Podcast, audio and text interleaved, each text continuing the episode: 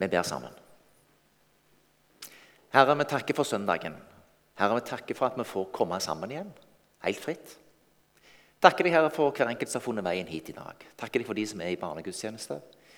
Takker deg for um, hver enkelt som står i tjeneste, og jeg takker for hver enkelt som, uh, som, sitter her i salen nå. Herre, jeg ber om at du uh, velsigner det enkelte av oss, og jeg ber om at du gir oss en god stund sammen, Herre. Vær her, du Hellige Ånd. Amen.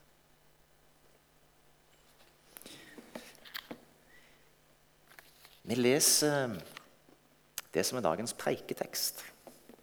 Det pleier å være en evangelietekst, men i dag er det en tekst fra 5. Mosebok.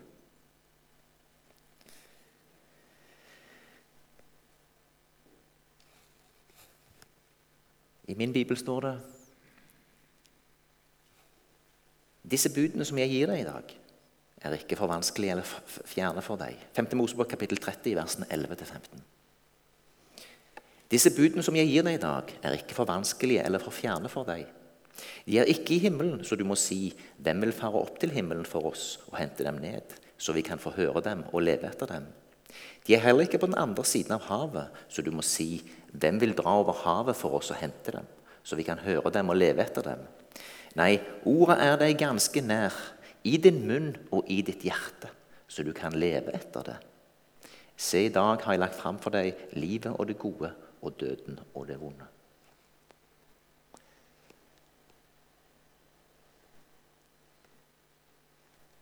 Denne teksten står i en bestemt sammenheng. Ta litt omkring femte Mosebok først. Femte Mosebok heter på engelsk Deuteronomy. Og Deuteronomy, det betyr Eller Dag Audun, sa jeg feil nå? Syns du jeg reagerte litt?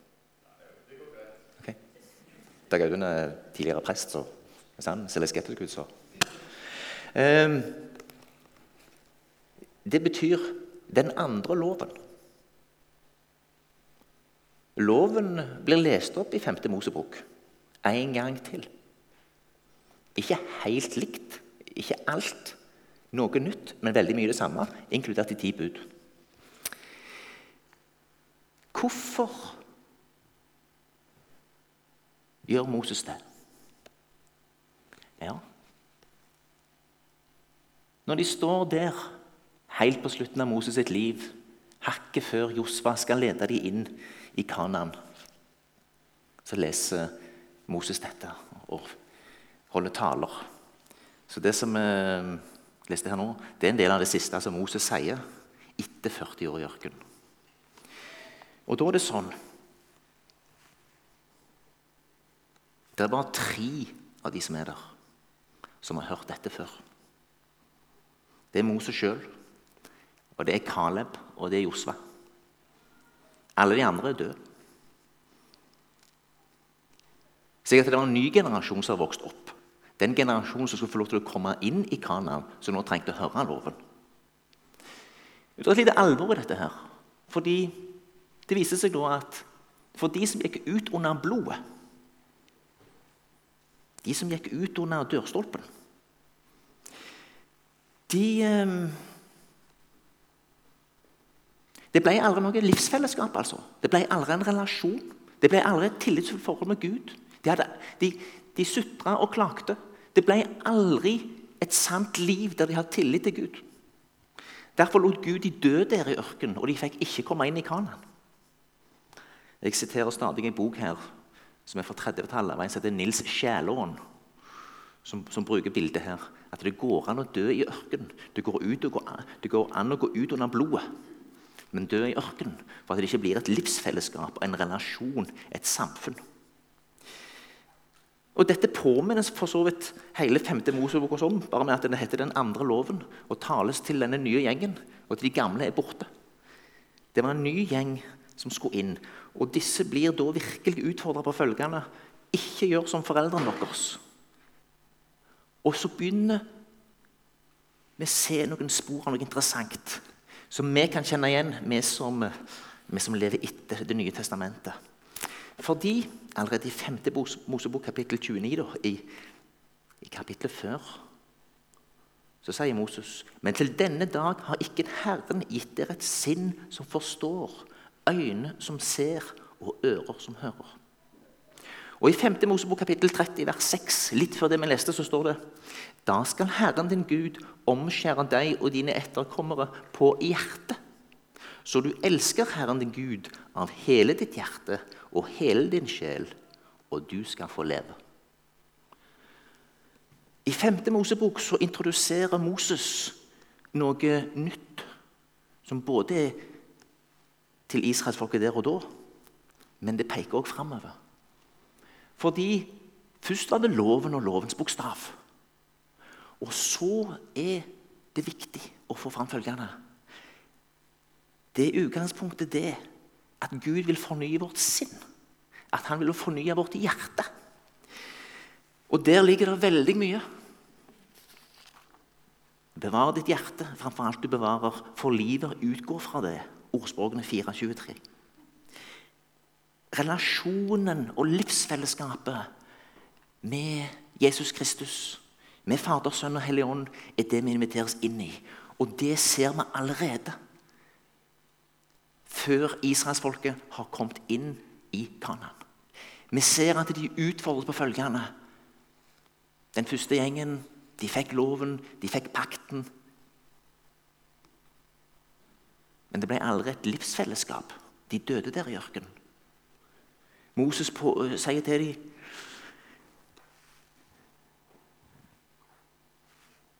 Da skal Herren Gud omskjære deg og dine etterkommere på hjertet. Det begynner å introduseres en høyere lov om at du skal elske Gud av hele din sjel og alt ditt vett osv. Vi ser at det kommer inn et dypere relasjonselement veldig tidlig i vandringen med, med mellom Gud og israelsfolket.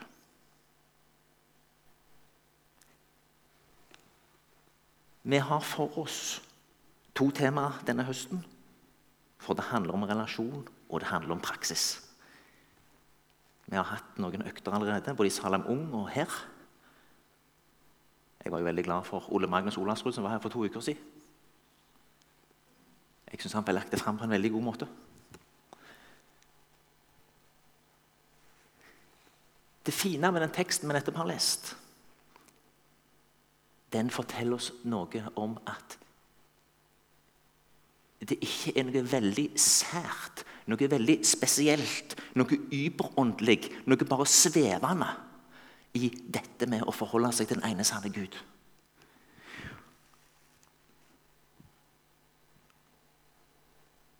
Disse budene som jeg gir deg i dag, er ikke for vanskelige eller fjerne for deg. De er ikke i himmelen, så du må si 'Hvem vil fare opp?' for oss å hente dem ned så jeg kan få høre dem og leve etter dem. Det er altså ikke helt spesielle, sære øvelser som er vanskelige. De er heller ikke på den andre siden av havet. Så du må si hvem vil dra over havet for oss og hente dem, så vi kan høre dem og leve etter dem? Det ligger noe i menneskene som vil, vil gjerne gjøre det veldig avansert, veldig innvikla, veldig spesielt.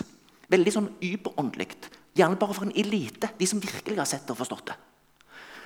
Det herlige for oss, det er følgende at vi har en Gud som har gjort seg tilgjengelig og forståelig. Nei, ordet er deg ganske nær, i din munn og i ditt hjerte, så du kan leve etter det.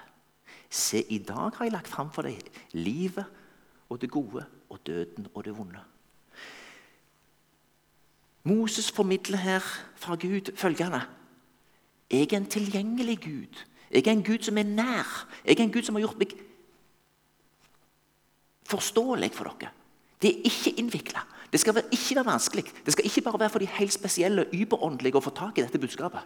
Det skal være fullt mulig. Både gjennom helt konkret veiledning og gjennom eh, det å at det har noe med sinn og hjerte å gjøre. Det skal være mulig å forstå. Gud har gjort seg til kjenne på forståelig vis. Han har fortalt oss at vi etter syndefallet er svake mennesker som trenger bud, budene og forskriftene. Han har vist oss at han ønsker at vi følger hans vilje av hjertet, og ikke bare som en ytre bokstavtro forpliktelse. Han ønsker ikke at vi skal ende opp som den personen som Jesus fortalte om, som kom inn i Guds hus og takka Gud for at han var perfekt. Nei, han ønsker at vi tilber i ånd og sannhet. I Jesaja 45, 19 har vi et fint vers. Jeg har ikke talt i det skjulte, et sted i det mørke land. Jeg har ikke sagt til Jakobs ett, søk meg i det øde og tomme. Jeg, Herren, taler sannhet og forkynner det som rett er. Og han har vært tydelig med oss. Vi har fått Bibelen. Vi har fått Den hellige ånd. Vi har fått veldig mye.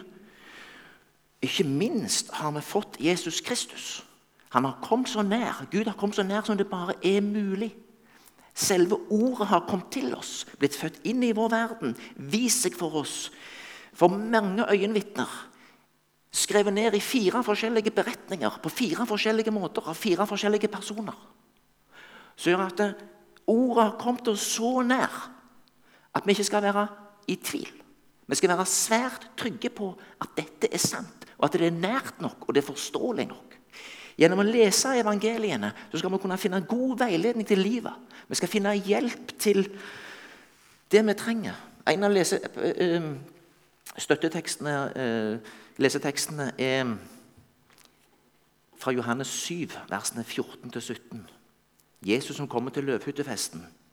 Det var alt midt i høytiden da Jesus gikk opp på tempelplassen og begynte å undervise. Jødene undret seg og sa hvor har han sin lærdom fra, han som selv ikke har fått noen opplæring? Jesus svarte, 'Min lære er ikke min egen, den er fra Ham som har sendt meg.' Den som vil gjøre Hans vilje, skal kjenne om læren er av Gud, eller om jeg har den fra meg selv. Jesus gjør det veldig klart at han ikke sier noe av seg sjøl. Han er sendt til oss for å si noe fra en som vil si noe til oss. Gud sjøl har sendt Jesus Kristus for å vise oss og lære oss alt det vi trenger for å eh, ha livsrelasjon og fellesskap med Gud og evig liv. Vi har en parallelltekst til den teksten som vi har lest i 5. Mosebok, i Romerne 10 versene 6-9. Paulus skriver følgende.: Moses skriver om den rettferdighet loven gir. Den som holder loven, skal leve ved den. Men rettferdigheten av tro sier, tenk ikke med deg selv, hvem skal fare opp til himmelen? Det vil si for å hente Kristus ned. Eller hvem skal stige ned i avgrunnen? Det, vil si for å hente Kristus opp fra de døde. Men hva sier den? Ordet er deg nær i din munn og i ditt hjerte. Det er troens ord, det som vi forkynner. For hvis du bekjenner med din munn at Jesus er Herre, og tror i ditt hjerte at Gud har oppreist ham fra de døde, skal du bli frelst. Dette er fantastisk spennende. Her har Paulus ved Den hellige ånd fått åpenbaring og visdom til å ta en kobling fra Moses sitt ord til den gjengen som nå hadde behov for å få et dypere, mer relasjonelt, livsnært forhold til ordet. Ikke bare en bokstavtro men en relasjon. Og han kobler det med Kristus på en helt tydelig måte. Som gjør at Kristus har kommet oss nær. Jesus har kommet. Han har kommet oss helt nær på en måte som gjør at det, det skal ikke være noen tvil om at det er fullt mulig å finne veien til Gud. Den veien går gjennom Jesus Kristus. Og han har kommet til oss. Og han har vist oss gjennom helt konkrete handlinger at han virkelig ønsker dette. her. Han virkelig vil dette. her. Han er sendt av Gud.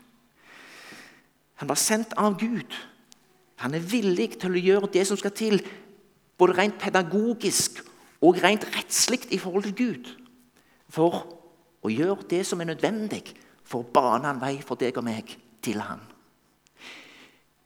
Det er forståelig, det er tilgjengelig, det er ikke innvikla. Gud bruker enormt mange virkemidler på ulike måter, inkludert nattverden og dåpen, for å vise oss han vil ha noe med oss å gjøre. Han viser oss gjennom helt konkrete handlinger at han vil oss noe. Og Det er det som gjør kristendommen så unik. Bibelen og de tingene vi blir bedt om å gjøre, forteller følgende At Gud sier til oss Jeg er glad i dere. Jeg vil ha noe med dere å gjøre. Jeg vil gjøre meg tilgjengelig og forståelig. Jeg vil vise dere hvem jeg er. Og jeg har gjort det på mange forskjellige måter. Og jeg vet dere er forskjellige. Og jeg vet at det er ting som treffer ulikt. Derfor vil det la si, gjennom de praksiser, gjennom de ord jeg har gitt dere, finnes en mulighet òg for deg. Det er ikke bare én praksis eller én måte å se denne relasjonen på. Det er mange. Men alle går gjennom dette. Hvis du bekjenner med din munn at Jesus er Herre, og tror i ditt hjerte at Gud har oppreist ham fra de døde, skal du bli frelst. Vi snakker om relasjon, og vi snakker om praksis. Det gjør helt konkrete ting er viktig. Det vi gjør, former oss. Vanens makt er viktig. Eh, det ligger to bøker ute på et bord der av en kar som heter Stian Kilde Aarebrot. Dette er 'Kunsten å forme livet'. Plastisk teologi. Den boka kan dere kjøpe, men den har det Salem kjøpt. så da må dere vippse på Salem-nummeret som står der. Det er to. Dere kan også få denne. og jeg tenkte å kjøpe en flere. Fordi den boka påminner oss følgende. De tingene vi gjør, de vanene vi har, har veldig mye å si også for den relasjonen som bygges. Dette visste de gamle. Så var det en generasjon med generasjon oppe og ble litt lei av det. Og de vanene var litt sånn tåpelig kommunisert. Det ble litt tvang over det. Stian Kilde kommer igjen nå. En uh, frisk fyr på jeg vet ikke om hva han nevner, 40 eller hva Han er Han er opprinnelig pinsevenn. Så ble han lutheraner. Og nå jobber han på noe som heter Europagos, med trospraksiser. Boka synes jeg er veldig god og påminner oss verdien av at det vi gjør, har noe å si. Og den Boka er da en direkte foranledning til det vi har for oss litt nå i oktober, og det handler om praksis. Jeg håper at vi kan eh, hjelpe hverandre med praksisene. At vi kan dele hva vi gjør. Jeg har utfordra Tor Inge Østebø til å dele litt rundt det emnet neste søndag. Jeg håper flere av dere, hvis dere har noen konkrete praksiser i deres eget liv, bønnepraksiser, bibellesingspraksiser, ting dere har gjort i husholdningen som har fungert, gjelder i den lille gruppa, Eventuelt utfordringer til hva dere ønsker vi skal ha mer av praksiser i de store fellesskapene. Det er viktige ting. Bare ta den praksisen dere har nå modellert her i dag. Søndag klokka 11. En utrolig viktig praksis for mange av oss. For meg i hvert fall, og for kona mi og ungene våre betydde det utrolig mye at vi gikk fast et sted i 20 år. Og at det fantes en søndagsskole, og at det fantes noe fast som vi kunne gjøre. Vi inviteres inn i praksiser. Ehm, de kan være ulike, og vi må ikke binde oss for mye opp i det. Eh, at vi må gjøre alt likt, Men vi kan inspirere hverandre. Og Det ønsker jeg at vi skal jobbe litt med fremover. Jeg tror det er kjempeviktig å komme dit at vi ser at relasjoner og praksiser, vaner, henger sammen. Jeg tenkte derfor at En av de praksisene som vi typisk har eh, når vi samles i et større fellesskap, det er, det er på en måte å følge opp Romerne kapittel 10, vers 9. Hvis du bekjenner med din munn at Jesus er Herre, og tror i ditt hjerte at Gud har oppreist ham fra de døde, skal du bli frelst. Det jeg tenkte vi skulle gjøre da, det er at vi reiser oss, og så bekjenner vi troen sammen.